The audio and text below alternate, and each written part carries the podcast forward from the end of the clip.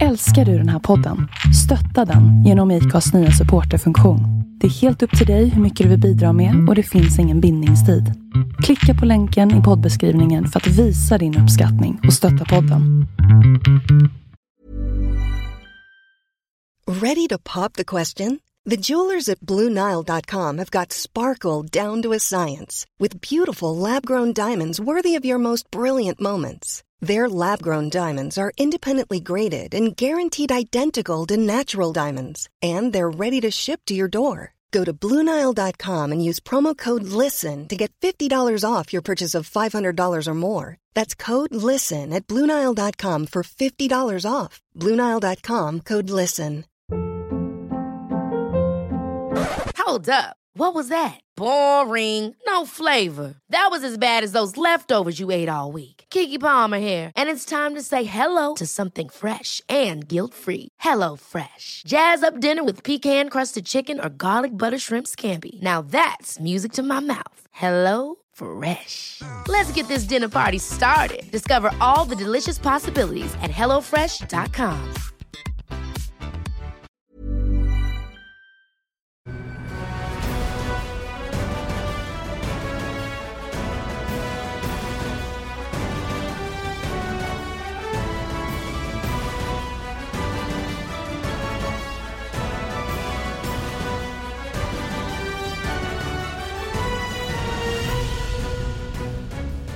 Välkommen, det är dags för ännu en MotoGP-podd med Lion och Mårtensson. Mårtensson, hur är läget? Ja, men vi har ju fått ett bord här i garaget. Vad har hänt? Jag tycker det känns trevligt. Nu sitter vi mot varandra här. Vi har ju stått lite så här på, på sniskan och känns lite... Ja, det har inte känts helt naturligt. Jag, jag tror att det här blir bra upplägg. Garaget har ju blivit kontor i eh, de här coronatiderna vi är så att eh, ja, man får bara acceptera att eh, ens grejer har försvunnit. Mm, jag förstår det. Jag ser att det är lite ommöblerat. Det här kan inte du gilla riktigt. Nej, det är lite för mycket oordning till att börja med och sen eh, som sagt så är mina kära prylar inte i närheten av mig utan nu är det kontor här istället. Träffar du någon folk i dagsläget då? Eh, nej, jag försöker hålla mig, eh, hålla mig eh, på min sida kan man väl säga. Mm. Sen går det inte att undvika alla gånger utan man måste åka handlar och sådana saker och det gör jag ju fortfarande. Det är inte så att jag har den approachen helt och hållet men, men man försöker minimera sina sociala kontakter så är det Mm. Svårare för mig med mitt andra yrke här med, med lärare. Grundskolor fortfarande öppna. Jag, eh, jag märker inte så stor skillnad ännu så länge i, eh, i, i, i mitt vardagsliv om man säger. Ja, det måste ju fortsätta precis som det har varit egentligen ju. Det är frontlinjen. Det är jag, Ja, jag och exakt. sjuksköterskorna. jag borde ju Ja. erbjudas gratis testningar snart. Ja, Tidig testning. Det kan inte vara så många sam... Alltså det är inte jättemånga samhällsfunktioner. samhällskritisk funktion har du. Eller hur? Ja, absolut. Det är svårt att stanna hemma då i det läget och säga att man, ja, att man inte kan jobba bara för att. Ja. Kommentera MotoGP däremot är inte en samhällskritisk funktion just i dagsläget. Nej, det tycker jag är synd. Ja, där, skulle, väldigt. där skulle behövas något stödpaket. Vi måste kommentera MotoGP. Kan man inte bara sätta hela det här gänget i karantän två veckor vid en bana? Sen kan man väl köra runt den här banan. Det vore det Och så tv-sänder vi bara. Ja, Ingen nonstop. publik. Det blir Ja. ju som en reality också. Nu ska vi komma ihåg att det är eh, 2-2500 personer ungefär som eh, krävs för att driva den här serien. Som det brukar vara då i depån. Det är ganska mycket folk. Mm. Skulle det gå att köra ett eh, liv där under någon månad? Och, och... Nej, nej, det jag tror går inte heller. Och ska vi dra lite mer statistik så kan man ju nämna att ehm, när vi åker på de här OVC-racen då krävs det alltså fyra stycken Boeing 747, alltså jumbojets med material till de olika typer av banor. Det är ganska mycket material som ska flygas kors och tvärs i världen. Mycket logistik som ställs på ända i det här läget. Det kan vi konstatera. Ja, och ehm, när vi pratade med Johan Stiger förra veckan då var ju grejerna fortfarande kvar i Qatar. Eh, och det senaste de hade hört var att de ska åka till Spanien då vart, vart det lider. Eh, just då så var ju inte Jerez-racet inställt. Det är det ju dock nu, eller det ja, uppskjutet. Mm. Med ej nytt datum klart. Ja. Ja, märkliga tider, det har man ju konstaterat sedan länge här. Och, och det är det som vi kommer att ägna en av punkterna till i dagens podd. Just det här med coronaviruset. Och sen tänker vi att vi ska kunna behandla säsongstarten. Den, eh, den där vi tror kan bli säsongstart. En rimlig kalender utifrån den säsongstarten. Eh, en ytterligare punkt. Eh, tio race som vi vill se. Hur låter den punkten Andreas? Jätteroligt. Vi har alltså valt 10 race ifrån de här 20 racen som är på den ursprungliga kalendern. Och satt ihop våra 10 som vi vill ha. Du har satt upp dina 10, jag har satt ihop mina 10. Mm. Kul. Och sen då substitutet här under, eh, under eh, pausen i racandet. Det får ju vara e-sportkalendern och e-sporten som eh, får ett uppsving med det här. Och sen vidare då med Andrea Nonne som det är mera nyheter kring efter hans dopingärende. Och dessutom då, ja, via Play Sport och, och F1-depån som också får agera det innehåll som produceras just nu då på våra kanaler. Mm.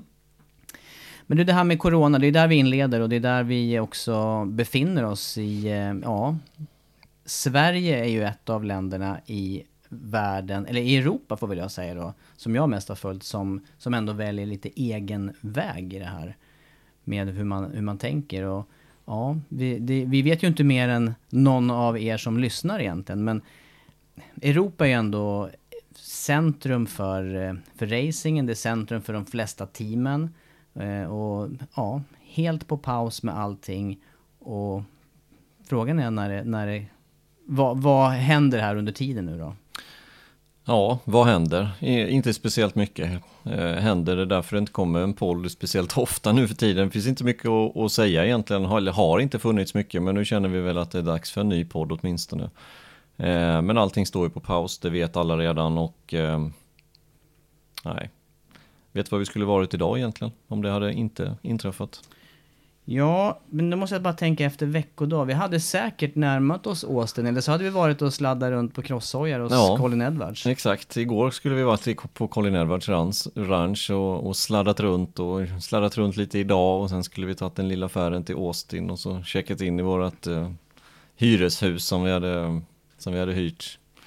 Så var det, men så blev det inte. Och det finns ingen mening att gråta över spilld mjölk, utan eh, nu är vi där vi är och um, nu får vi se vad som händer framåt, helt enkelt.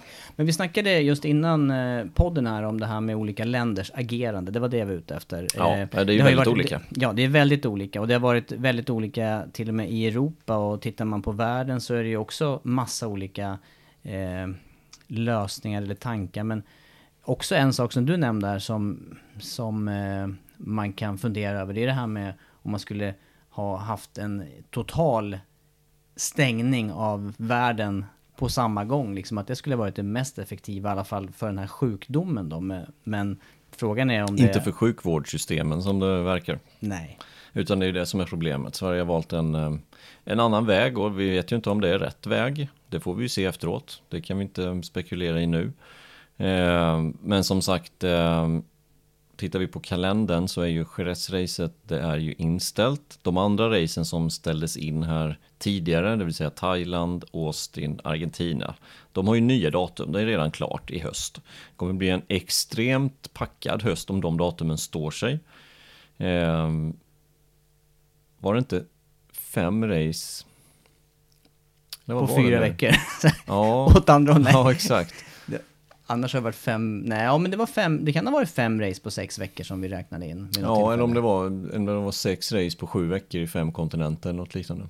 Det var extremt eh, stressat. Det schema. låter ju tufft. Ja, men, men det Argentina och Austin ligger ju vägg i vägg så att säga, eller veckorna efter varandra och dessutom Valencia på det. Det är ju tre världsdelar och sen har de ju varit i Asien och Australien innan dess. Så det är klart att um, det kommer bli ett späckat schema om det då um, håller sig så som uh, det är tänkt. Ja. Men problemet i Europa då med, med många race som väntar är ju också att det är sånt eh, katastrofläge får man ju säga ändå med Spanien, Italien där, där det verkligen är illa. Och sen ligger ju länderna också med förskjutning i, den här, i det här förloppet som, ja. som gör att det är extremt, det är ju inte ens nästan värt att spekulera i men Nej, när, och, när det skulle kunna köra igång igen. Ja, men det är ju därför vi inte har fått någon ny kalender än så länge utan uh, nu väntar de helt enkelt för att när de nu släpper nästa kalender så vill de ju vara mer säkra på att det är det som gäller. Eh, Indycar kom ju med en ny kalender bara för någon vecka sedan och de ska dra igång i slutet på maj. Tillåt mig att tvivla. Tillåt mig att tro att de kommer med en, ytterligare en ny kalender och jag tror man vill undvika det i MotoGP utan jag tror att vi kommer få se en helt omarbetad kalender när vi väl får se den. Eh, men jag tror att det kommer dröja innan, innan vi får se den just för att eh, man vill vara säker på att man kan genomföra den kalendern som man väl släpper. Och efter Jerez då är det ju Le Mans, den kommer ju definitivt bli uppskjuten, den är i mitten av maj. Sen är det Mugello i slutet på maj.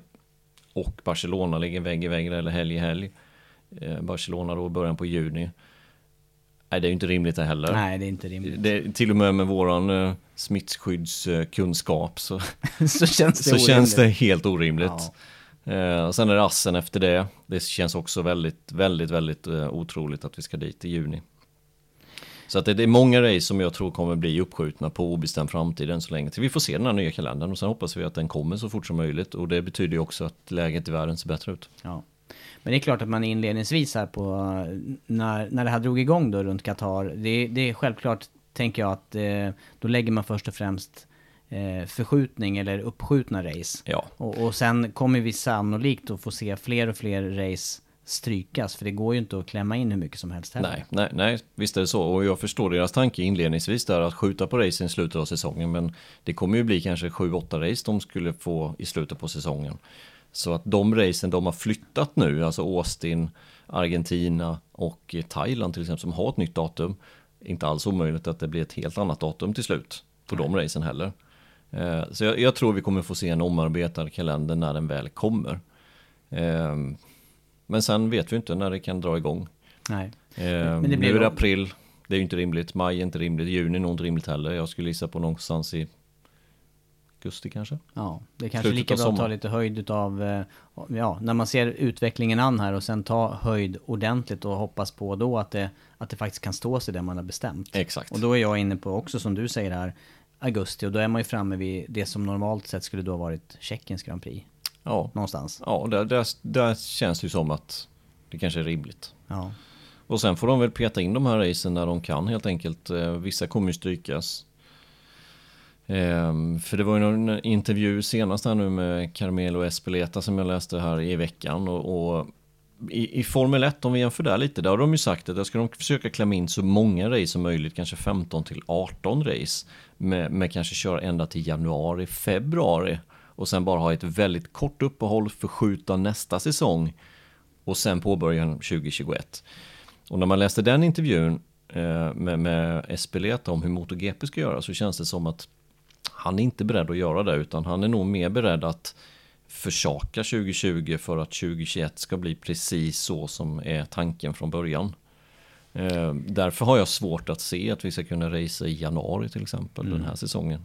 Det finns ju, jag tycker det finns också en skillnad med det här med motorcykel och bil. För vi vet ju också vad, vad förarna utsätter sig för på motorcyklarna. Eh, och det har ju visat sig många gånger de här perioderna när man har kört, eh, vi har ju haft korta sommaruppehåll.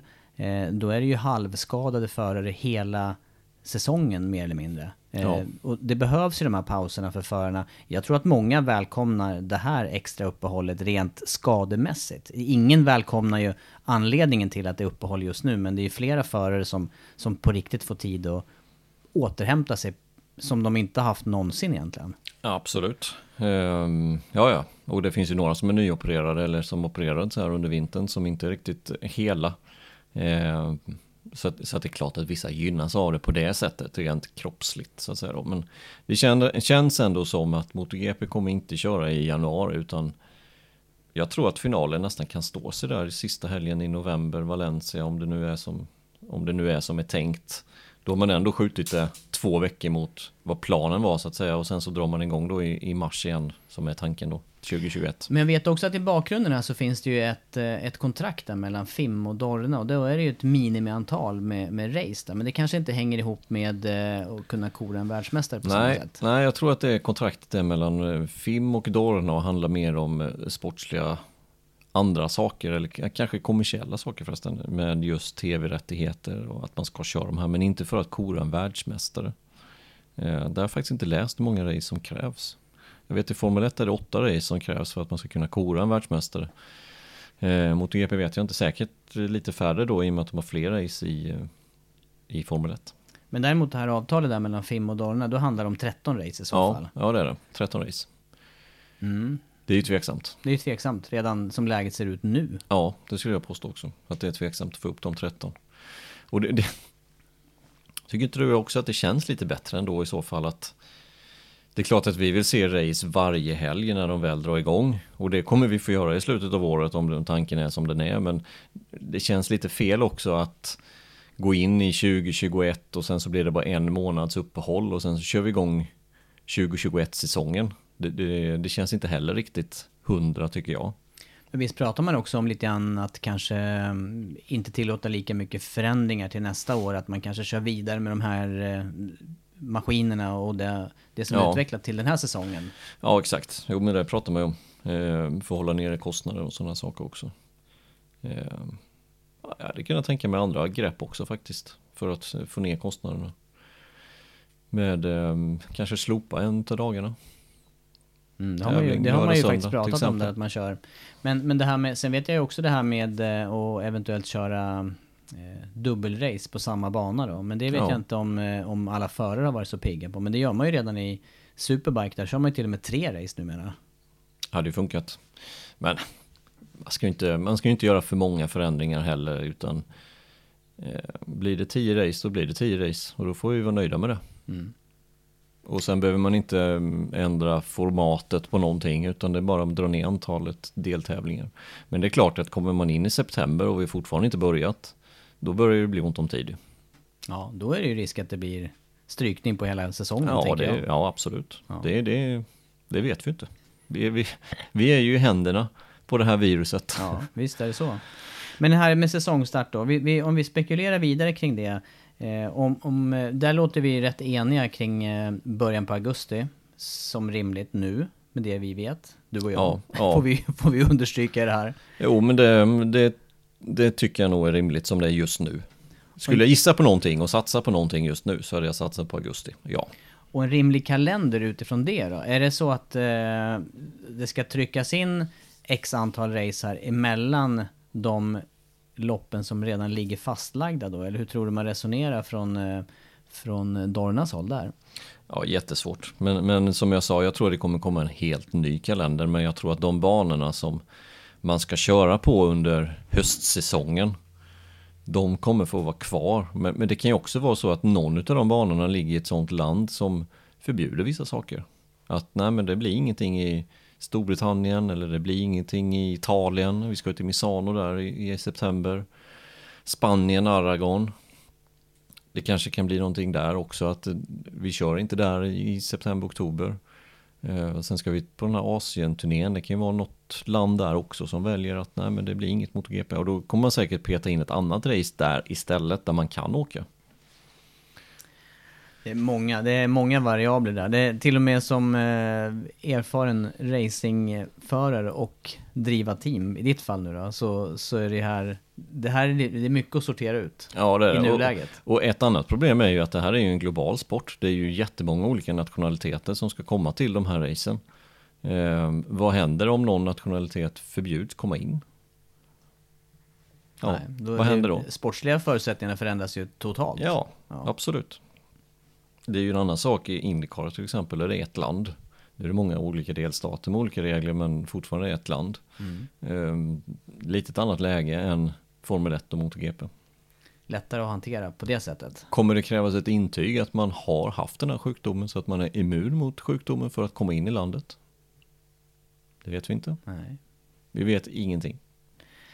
Nej, Långt, långt samtal om ingenting här och inte veta någonting. Men eh, det, det, är ändå intressant att spekulera. Man måste ju, det, det är det, på något vis, det blir något... Eh, ja, det blir, det blir en märklig känsla i kroppen här och i skallen också kring det här stillaståendet och inte veta något eh, slutdatum. Men, men så är ju läget för alla.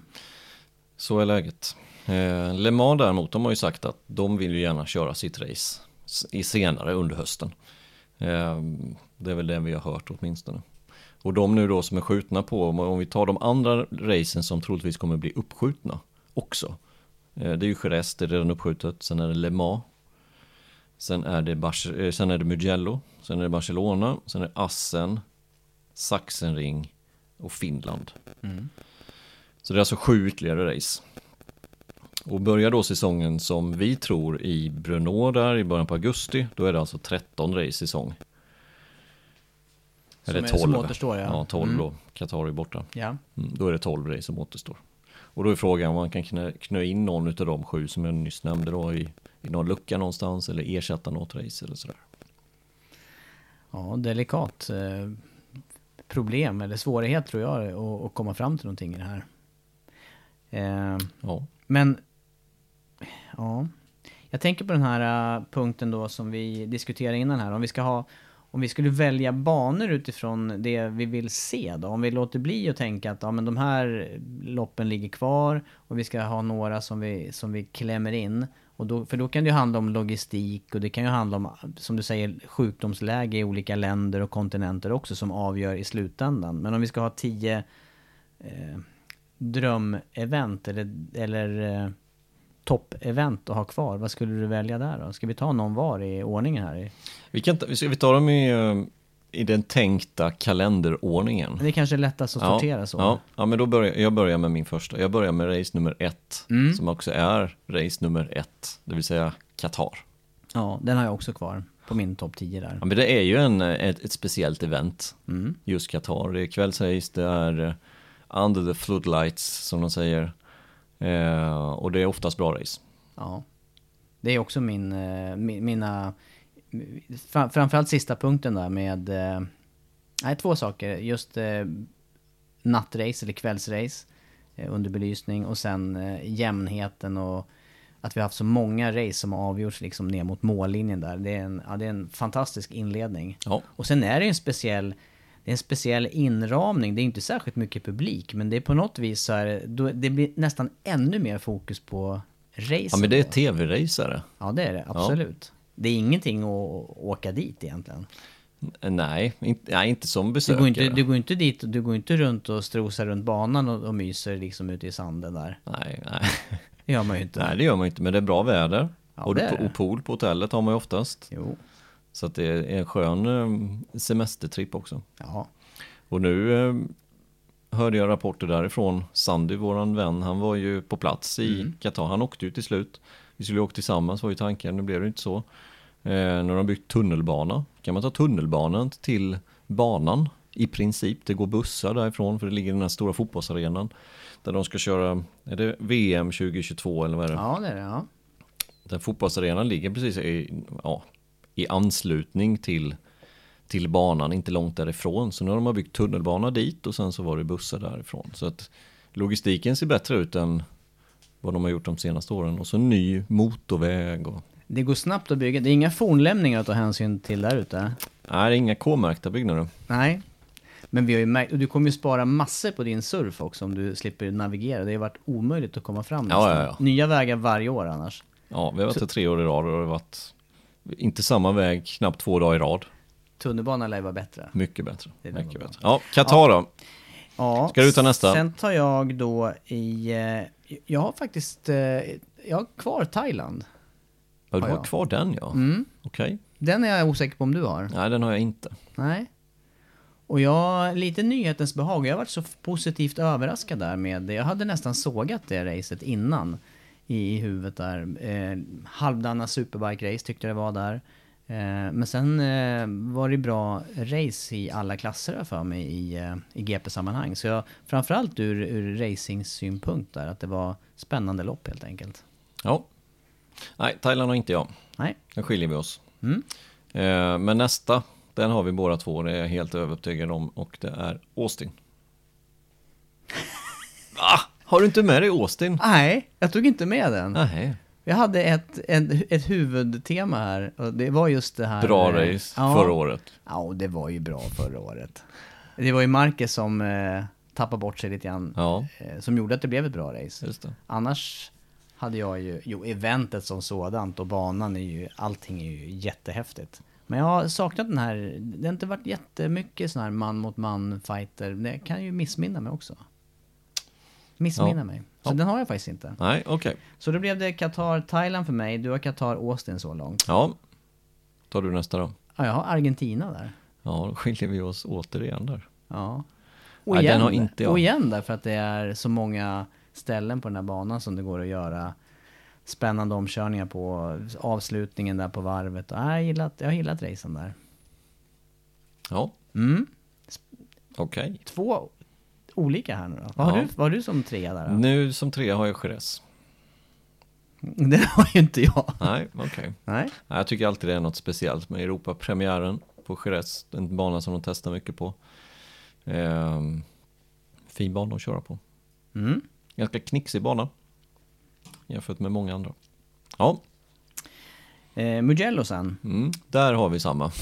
Den kommer jag aldrig stryka. Nej, det, det är en av de sista man stryker från den här listan. Ja.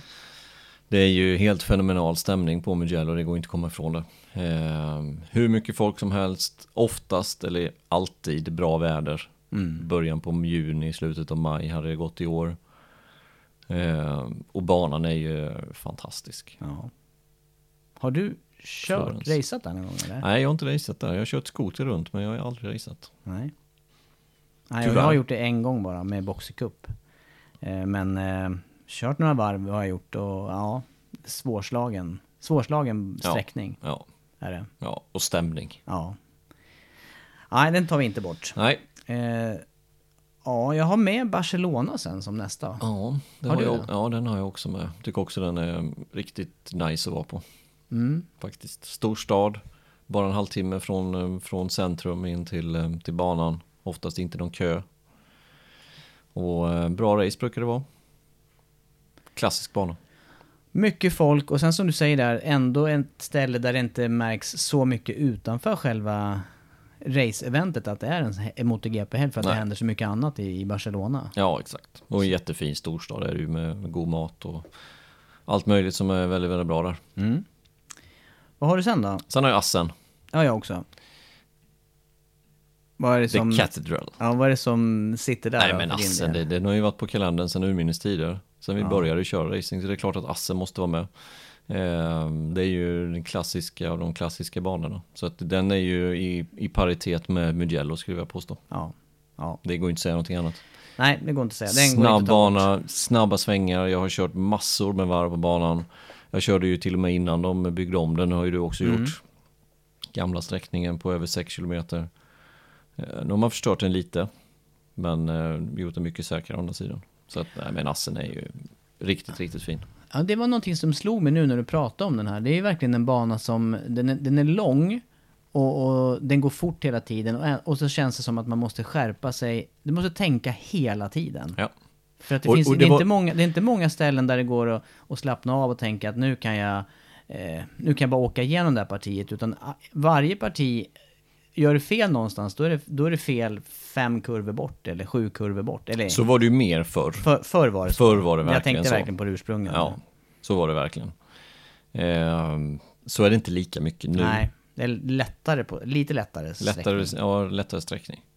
Men eh, tänk om vi hade kunnat få säsongstart på Assen. Midsommarhelgen. Ja, du tänker utifrån nuläget ja. Ja. Ja. Tänk om vi hade fått börja där nere. I Och så, slutet och av så juni. har man en sån här repris på det racet som var för ett par år sedan där med 100 omkörningar i Exakt. topp 10. och, och då hade man kunnat ta bort sommaruppehållet och det knö in lite fler race dessutom. Tänk om det är ett sånt läge då. Ja, det är, det är min dröm nu, kommer jag på. Mm. Assen, premiären. Fint. midsommar. Då vet Kan- jag då, jag... skippar jag, då skippar jag midsommardansen, midsommarstången. Ja du, den kommer långt ner på min prioriteringslista. Ja. Ja, sen är det sommaren där och, där, nä- mitt nästa race som Ja, jag sen är det ju Finland, men den har du inte med antar jag. Nej, den har inte jag med faktiskt, Nej. för den vet vi inte så mycket om än. Nej, de kanske behöver kanske- ett år till nu. Kanske passar bra. Jag är lite inne på till. det. Jag är också inne på det faktiskt. Ett år till att preppa med Ja, faciliteter. Mm. Österrike istället. ja absolut. Jag är på. Mm. Red Bull Ring, självklart ska den vara med. Spielberg. Ja. Vi var där, första, första gången jag var på banan var förra året. Du hade varit och kört någon gång när det hette A1 Ring va? ja, Det var ju länge sedan. det var väldigt länge sedan. Den var ju, förra året var det en superfin bana. Eh, utsågs ju till eh, årets race dessutom. Alltså arrangörsmässigt. Vilket jag förstår. Superbra. Superbra faciliteter och alltid bra race. Två år i rad har det avgjorts i sista svängen. Och som publik är det också häftigt för det är, du har ju nästan hela banan framför dig. Ja, På, på rätt ställe. Rätt Ja, läktare du. så ser du väldigt mycket. ja det är det.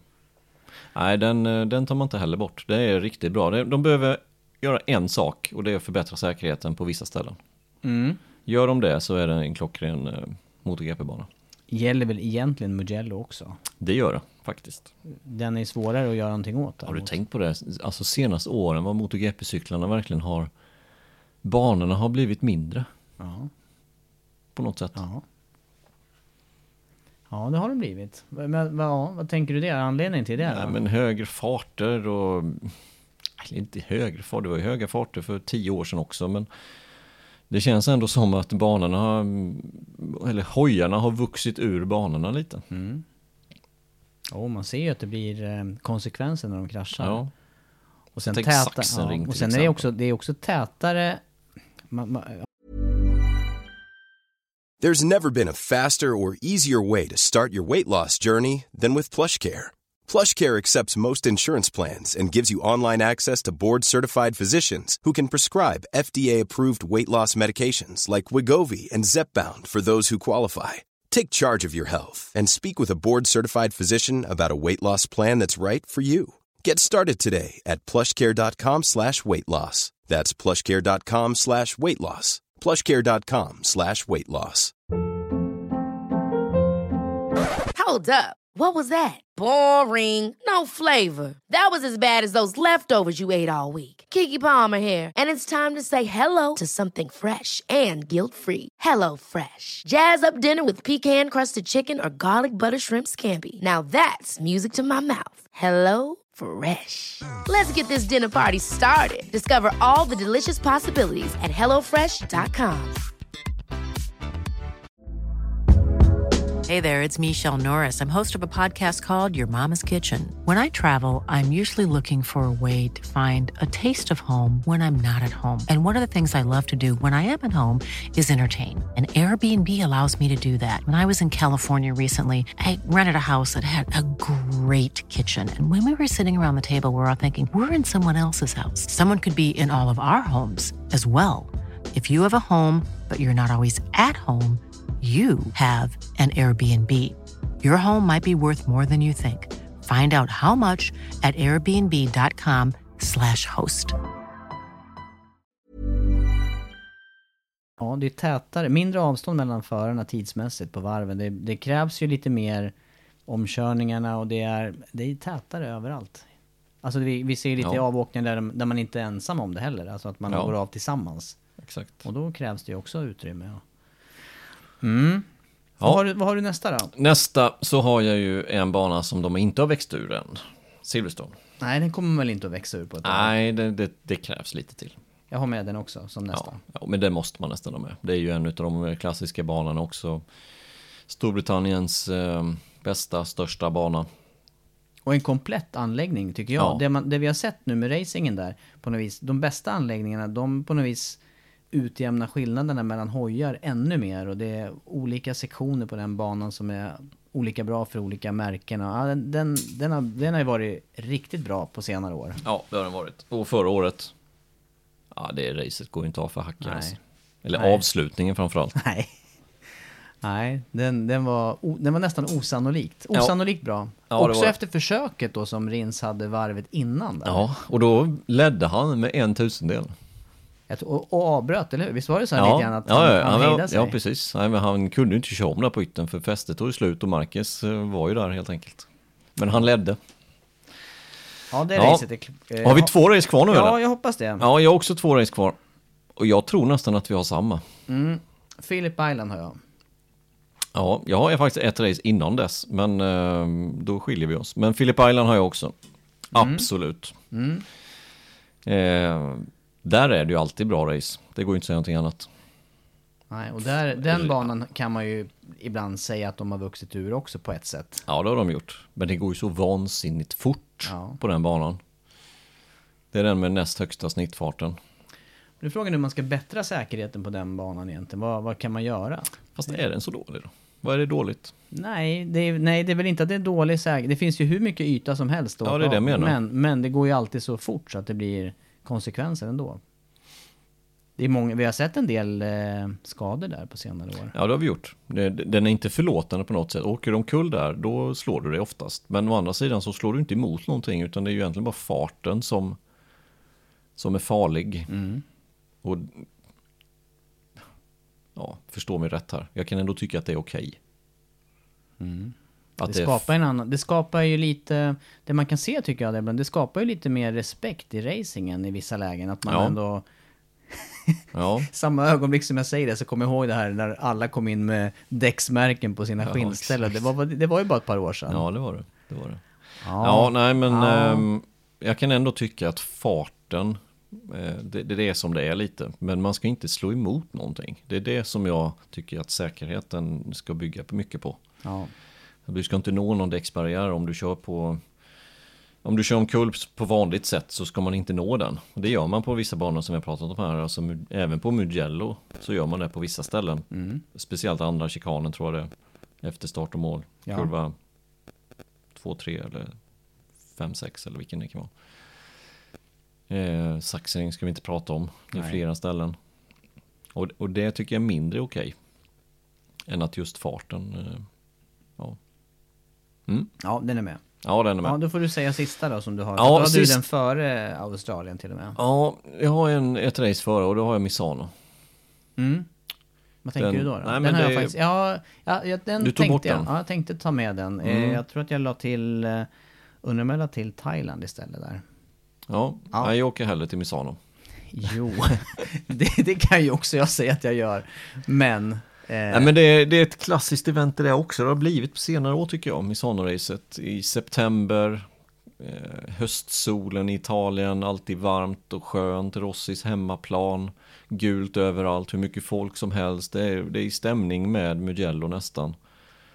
ja, det, jag ehm, håller med om allt det där. Och det finns eh, 3000 hotell i närheten. Stranden är två stenkast ifrån banan. Super, eh, superbra tycker jag. Mm. Ja, det är den där racemässiga där då som jag tycker att eh, Malaysia kanske erbjuder mer då. då. Mer Som du har. Ja, jag har Mm. satt eh, Malaysia där. Mer komplett MotoGP-bana framförallt tycker jag. Med, eh, det kanske inte är det som avgör. Ja, ja jag har gått mera på hur, hur eh, racen har sett ut här då och tyckt att Malaysia passar bättre att se en MotoGP-hoj på. Men, eh, men stämningen, ja, där håller jag ju med. Det hade jag ju kanske också hellre valt Misano. Faktiskt. Även Ja. om det publikmässigt, när vi var nu i Malaysia i höstas, det är ju otroligt mycket människor. Ja det är det. Men det är ju samma där. Det är ju så mycket människor som också bor i, i Kuala Lumpur och runt omkring så att det, det märks ju inte av utanför banan märker man ju inte av den här racehelgen. Nej, nej det gör man inte. Så det är, det, är, det är olika typer av event på det Ja det viset. det. det, är det. Ja men det, i stort sett, vi hade hyfsat... Det var fyra eh, som skiljer va? Nej jag tror att det bara var, var det inte tre då? Var det tre till Det slut? var Thailand, Argentina, Malaysia har du inte. Nej de har inte jag. Och då hade du istället, eh, Austin, Jerez och Misano. ja. Ja. Ja. ja. Jag vill inte byta. Jag Nej. står fast med mina. Ska- Så ser våran, ja. men då, då kör vi 13 race i säsong då helt enkelt. Så har vi täckt in det. Ja, faktiskt. Då får vi med de här. Då får vi med dem ja. Mm. Det kanske blir så.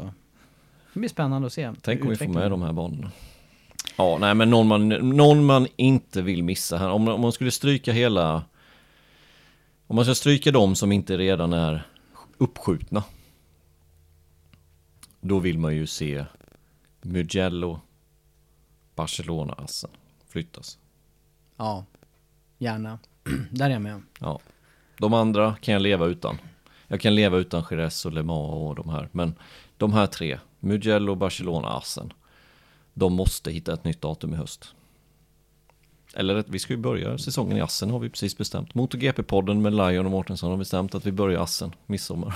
Visst är det midsommar i år? Det har Det ju har ju- nästan alltid varit midsommar Ja, men sen har de ändrat Ja. lite hit och dit. Och, men jag tror faktiskt att det kan vara midsommar som är Ja, tanken. det har jag faktiskt inte kollat. Jag vet inte. Jag, ska, jag ska kolla. Kolla det. Jag kollar. Men du, substitutet här nu då. Vi hoppar vidare tycker jag till nästa punkt. Nu har vi eh, behandlat det här ordentligt eh, med eh, uppskjuten säsongstart. Drömrace om det kapas säsongen. Och sen då det som händer här under tiden och det folk får ägna sig åt, det är väl att sitta framför sina skärmar tänker jag. E-sport blir ju perfekt då. E-sport är jättebra. Och jag sitter framför skärmen och jag har ett eh, resultat. Har du? Ja. Nej, det är faktiskt så att Saxenring är midsommarhelgen. Ah. Eh, Assen är veckan efter, det vill säga den 28 juni. Ja, så var det med det. Ja. Så vi inte lurar någon. nej, kan ju ändå vara... Ja. Det blir- 28 juni, det är alltså första april idag. Det är inget skämt, utan det är så. Och april, maj, juni. Tre månader nästan prick. Ja, det kanske är ett drömscenario. Vi hoppas ju ändå såklart. Hoppas, att det ska hoppas. kunna bli någonting. Men du, har du koll på... Du har inte suttit med eh, e-sport. Har du gett dig på att tävla i det där? Nej, jag har inte gjort det. Ehm, Det har ju blivit, vilket uppsving det har fått i både Indycar, Formel 1, MotoGP körde ju sitt första virtuella race här nu i söndags.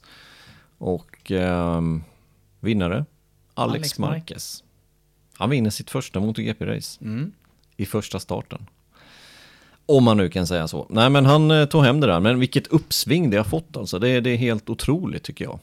Det, det är ju inte så att inte det har funnits innan. Det har ju varit en stor grej i MotoGP också. Det har ju, det har ju sänts på, på eh, sociala medier och på nätet innan de här, när proffsen kör.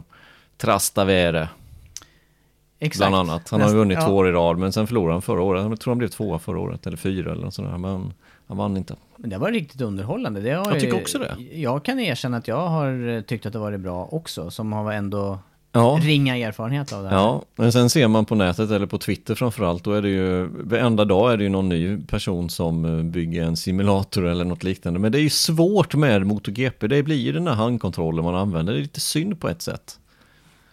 Ja, det blir svårt Det får du att, nästan eh, förklara för mig. Vad är det för kontroll man använder då? Du använder ju en vanlig, vanlig handkontroll egentligen, när du kör hoj. Just det, det har ju du, Men- det har ju du visat mig. Ja, exakt. tillfälle. Jag spelade till och med tidigare idag. Men att köra en riktig simulator, nu har inte jag kört en riktig, riktig simulator, men jag har kört med ratt och en hyfsat avancerad sak. Det blir, blir helt annan känsla För bil då? för bil. Ja. Ja. Det, går, det är mycket mer närmre verkligheten. Men finns det sån här för motorcykel då? Inte vad jag För vet. komplicerat. Inte vad jag vet. Det fanns ju såna Faktiskt. gamla spelarkader för Ja, länge sedan man- man, gick på ja, tivoli och ja. körde. Ja.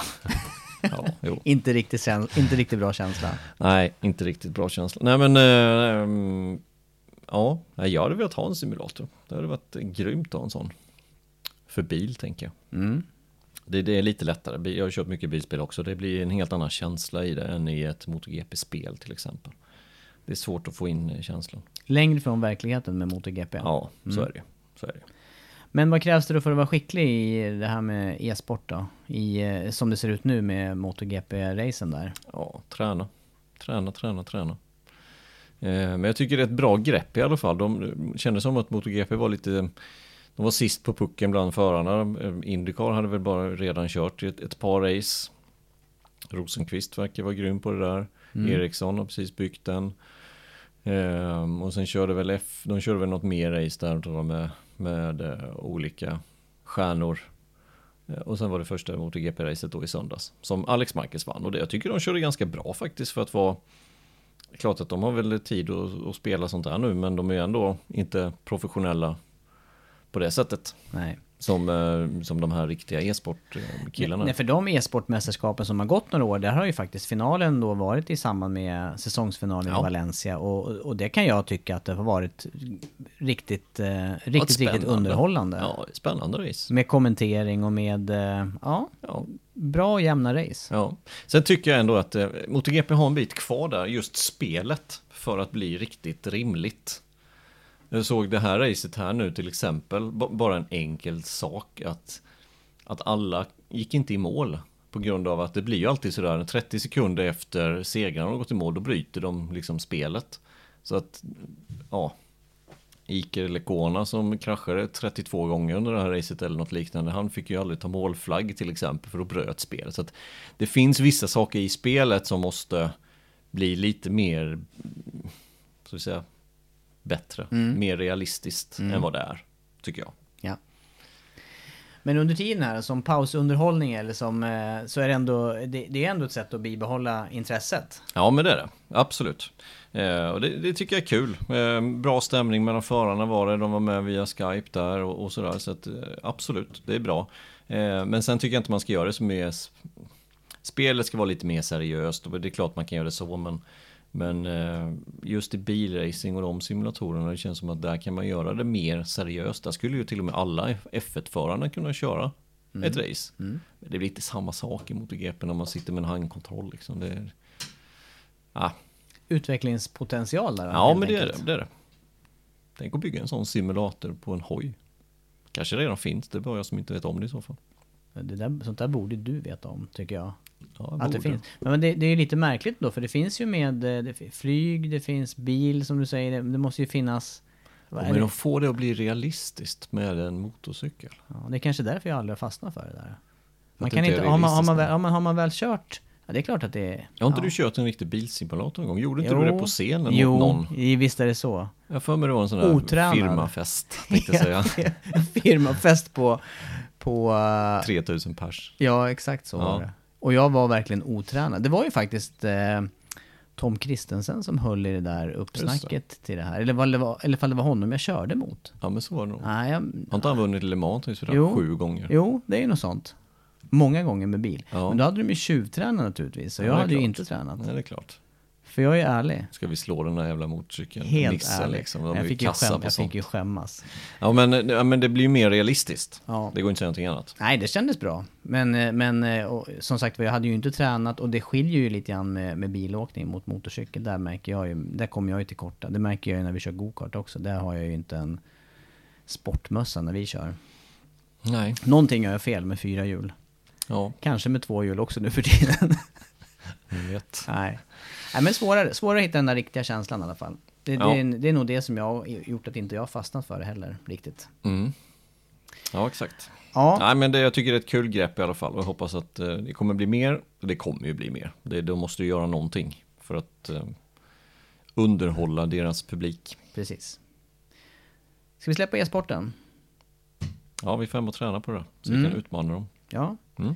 Vi har kanske en framtida e-sportspelare här att snacka om nu en dopingavstängning för Andrea Janone. Det är det som väntar. Han får syssla med, nej kanske inte ens får syssla med e-sport. Nej, nej, fast de tillhör väl inte Riksidrottsförbundet, inte i Sverige i alla fall, så tillhör inte e-sport Riksidrottsförbundet vad jag har fått för mig. Nej, så då nu, kanske man inte blir avstängd även i... Nu ska jag inte raljera över det här, för att det här är ju naturligtvis en tung dom. Nu har han fått 18 månaders eh, avstängning eh, och eh, retroaktivt, men det kommer alltså att, eh, att vara ända in till eh, Mitten av juni 2021 för Andrea Enon alltså. Som det ser ja. ut nu. Ja. Ganska väntad dom egentligen. Eh, det kändes inte som att de kunde släppa på det med, med den bevisningen som de hade. Han kommer väl att överklaga, antar jag. Det kan jag inte förvänta mig någonting annat. Eller Nej. Det hade förvånat mig om han inte hade gjort det. För det är ju trots allt eh, troligtvis hans karriär som står på spel. Eh, men det, ja, vad utfallet där blir det vet man inte. Men som sagt, som det är nu då avstängt till 16 juni mm. 2021. Ja, jag är inne på din linje där också. Det är ju eh, det är svår, svårt att tro att han kan komma tillbaka till MotoGP efter det här. Ja, nej jag tror inte det heller. Jag tror att han, han kommer åka ur Aprilia nu. Eh, Smith kommer säkert få den styrningen, det som blir den här säsongen.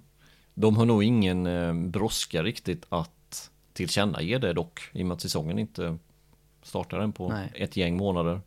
De kan nog avvakta beslutet ifrån KAS också när det väl kommer. Eh, men står sig detta så lär han ju få kicken ifrån Aprilia och eh, vem vill börja med Janone nästa säsong när han missar halva året. Eh, och efter det sen vad, vem ska han signa för då? Nej, jag, jag, tror att detta är det var det sista vi fick se av Janone. Mm. Tråkig väg tycker jag. Det är alltid personligt eh eh, tungt naturligtvis. Eh, dels det som leder fram till att man eh, dopar sig eh, och sen då att det är eh, ja, det blir abrupt slut. Och han har ju ändå haft han har haft möjligheter att verkligen slå igenom och hålla sig kvar i, i toppskiktet. Och inte riktigt lyckas ta vara på det tycker jag. Han, det, är, det är ganska Nej. snabb väg ut för om man tänker från första GP-segern där i MotoGP då Ja. 2016. Ja det är det ju. Eh, han gick ju själv ut i någon, eh, någon sån här Facebook live eller Instagram live eller någonting och, och så sa han att det var han själv som valde att gå ifrån Ducati. Eh, Väldigt tveksamt skulle jag vilja påstå.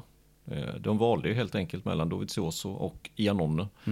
Eh, och det sa vi ju redan på den tiden att sportsligt, alltså vem är snabbast?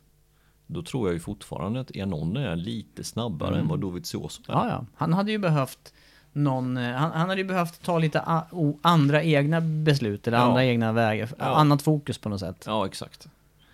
Men sen eh, var det andra saker som satte stopp för att han inte fick fortsätta där. Mm. Eh, sen är det ju väldigt svårt att spekulera. Visst, vi, det var vad vi trodde just den säsongen. Sen vet vi inte hur det gick- hade gått efteråt. Men vi ska komma ihåg att Dovizioso har blivit trea nu, eh, tvåa, tre år i rad. Mm. Alltså 17, 18, 19 så har han blivit tvåa i mästerskapet. Och 16 då så rankade vi Iannone kanske lite, lite bättre än, än Dovizioso. Så att, Och det var ju en period där när Janone var halvskadad när han var, Ja. då, då var han plötsligt lite säkrare ja, och, och gjorde bra ifrån sig. Ja, han tog ju första Ducati-segern dessutom där på Red Bull Ring 2016. Dovizioso blev tvåa. Eh, De hade olika bakdäck i det racet kommer jag ihåg också. Så det, var, det var inte riktigt fair and square på det sättet. Men trots allt så var det Janone som tog första segern för Ducati på hur många år som helst. En stor tog en seger för ja, 2010 eller något liknande. Ja, jag tycker det där är en förare som är synd att man inte har fått se mer av. Och, och jag tänker också tillbaka till Moto 2-tiden där med, eh, med hans överlägsenhet vissa racehelger. Ja. Och det var ju under Marquez-eran också. Det var det. Och eh, kommer du inte ihåg racet han gjorde på hans sista Suzuki-race där? 2018 måste det ha varit på Phillip Island. Jo. Vilket, alltså vilken helg han gjorde. Och han, han slarvade ju bort racet till slut. Och Vinales vann ju till slut då. Men eh, han var ju snabbast under hela helgen. Eh, så att det är klart att han har fortfarande kapacitet. Men eh, Ja, och då hade han också gått från eh, Ducati till Suzuki. Ja. Helt olika karaktär, alltså på något vis Ja. ställt om körningen totalt där under det året. och hade fått kicken av Suzuki dessutom och gjorde de resultat, eller gjorde det resultat. Han blivit två där till slut och efter Vinales. Så att, eh, nej men det är kapaciteten eh, har funnits i Anone. Men eh, det har varit någonting annat Mm. som inte riktigt har lirat. Och nu så det här då som, inte grädde lira på alls. Inte lira alls. ja, Nej. Nej, det är jättetråkigt tycker jag faktiskt. För att man vill ju se de, de här förarna som är så pass snabba som är i hans kaliber. De växer inte på träd. Nej, det, det, det är lite det jag också är ute efter. Ja. Man, ska man ha förare som matchar Marquez i, det här, i den här eran, då är ju han Janone med lite förfining och lite rätta beslut och utveckling. Ett av namnen. Ja. Så är det.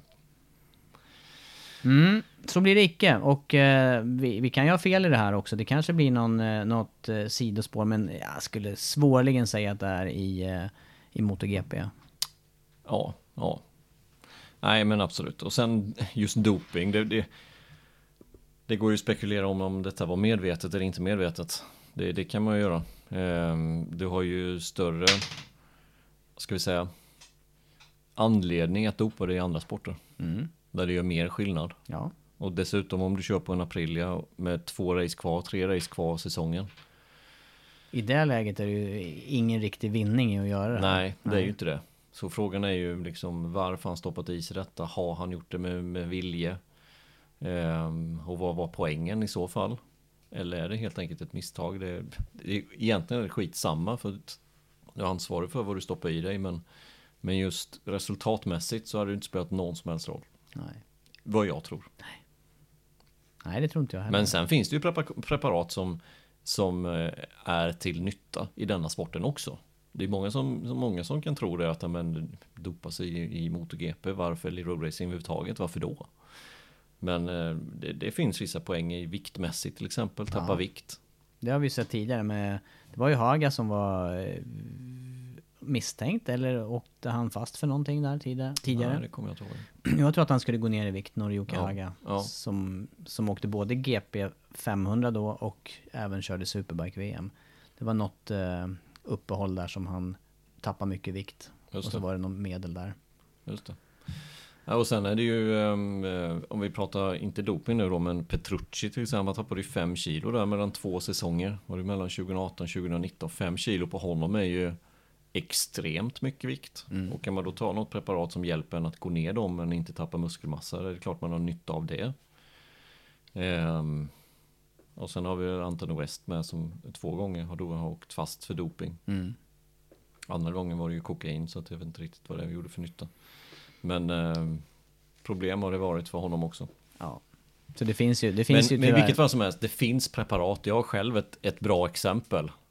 Eh, från när jag körde en internationell tävling på saxering var det. Mm. Och jag mådde pissdåligt i magen. Jag var ja. riktigt, riktigt risig på racedagen.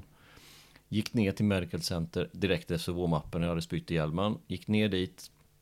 Fick dropp. Och jag, alltså jag var jag var helt i väggen när jag gick ner dit. Jag hade kört ett pass på 20 minuter, spytt i hjälm, hade ingen energi, inte ätit på liksom 12-14 timmar.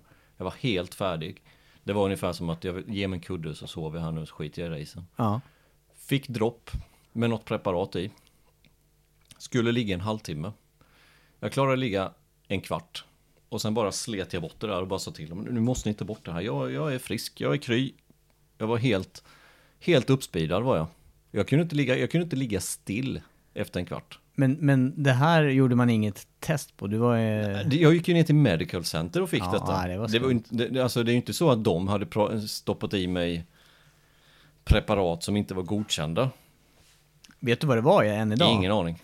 Det skulle Ingen man ju vilja ha rätt på annars. Ja, absolut. Eller hur? Om det både är godkänt och, och sådär uppiggande. Ja, ja, men jag blev helt, eh, helt överaktiv blev jag. De frågade mina mekaniker sen när jag kom upp till boxen, frågade mig vad, vad har du gjort? Ja. De trodde inte det var sant. Men jag kände ju också att jag var inte helt hundra i skallen, alltså ja, mindre okej okay än vanligt så att säga. Ja. Så när, när, jag, när jag ställde Perfekt mig... på saxen Ingus, Exakt. där man måste ta lite snabba beslut. Och sen så stod jag på, på insidan på griden. Så, alltså, jag kommer ihåg hur jag kände fram till första kurvan. Det var liksom, ingenting hade någon som helst betydelse. Det var liksom, jag ska in i den här svängen och jag ska ta de här startleden framför mig. Jag stod väl, jag kanske stod 15 eller någonting, eller något, alltså något sånt där. Jag var ju 10 lätt in i första svängen. Sen tappade jag ju såklart för jag hade inte farten, men jag var ju helt galen in i första svängen. Wow av det här preparatet som då är godkänt. Det är det, som, det är det jag vill komma till att det finns preparat som kan göra dig vissa saker även i den här sporten. Vissa gånger positivt, andra gånger negativt.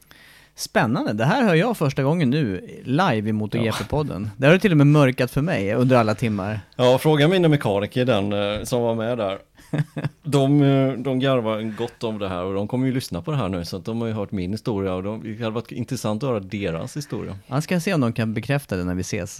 Någon, något tillfälle lär vi få snacka om det i alla fall. Roligt. Ja, skönt. Då, då slutar vi i alla fall med ett... Eh, ett det gick bra. Uppåt-minne. Ja, det gick bra.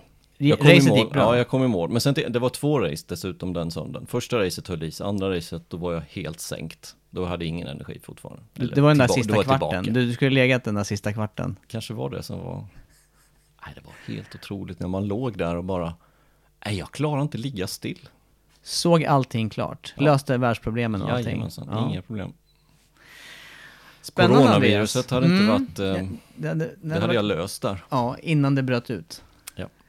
Ja. Men vad spännande, vad roligt det där lät. Eh, och... Eh, då gick vi lite från eh, moll till dur i den här podden då helt enkelt. Skönt. Ja.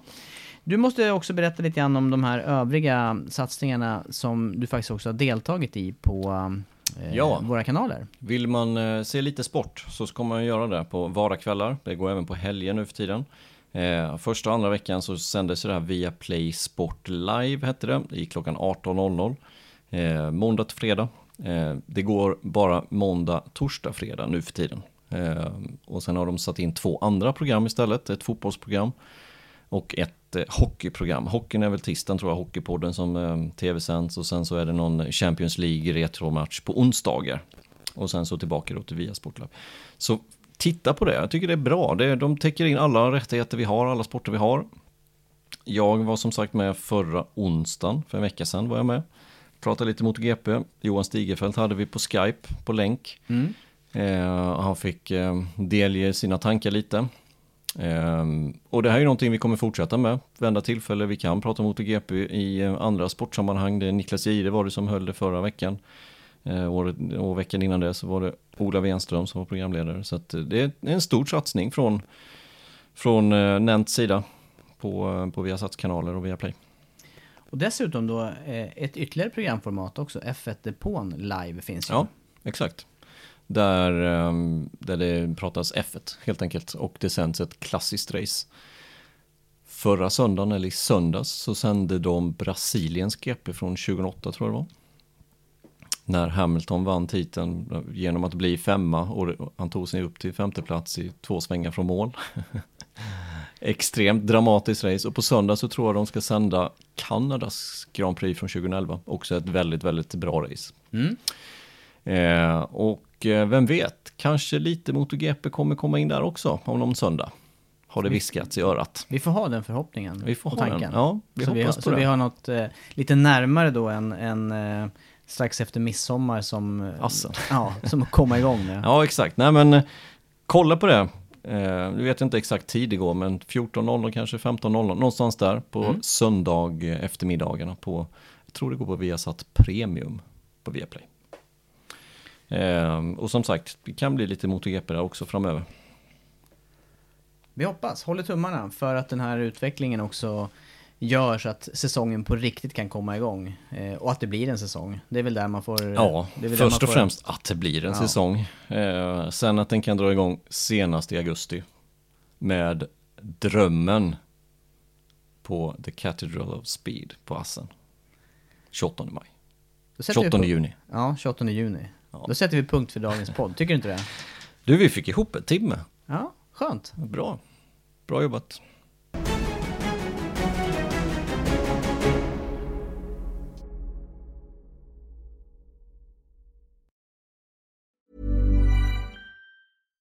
Hi, I'm Daniel, founder of Pretty Litter. Cats and cat owners deserve better than any old fashioned litter. That's why I teamed up with scientists and veterinarians to create Pretty Litter. Its innovative crystal formula has superior odor control and weighs up to 80% less than clay litter. Pretty Litter even monitors health by changing colors to help detect early signs of potential illness. It's the world's smartest kitty litter. Go to prettylitter.com and use code ACAST for 20% off your first order and a free cat toy. Terms and conditions apply. See site for details. Ever catch yourself eating the same flavorless dinner three days in a row? Dreaming of something better? Well, HelloFresh is your guilt-free dream come true, baby. It's me, Kiki Palmer. Let's wake up those taste buds with hot, juicy pecan-crusted chicken or garlic butter shrimp scampi. Mm. Hello Fresh. Stop dreaming of all the delicious possibilities and dig in at HelloFresh.com. Let's get this dinner party started.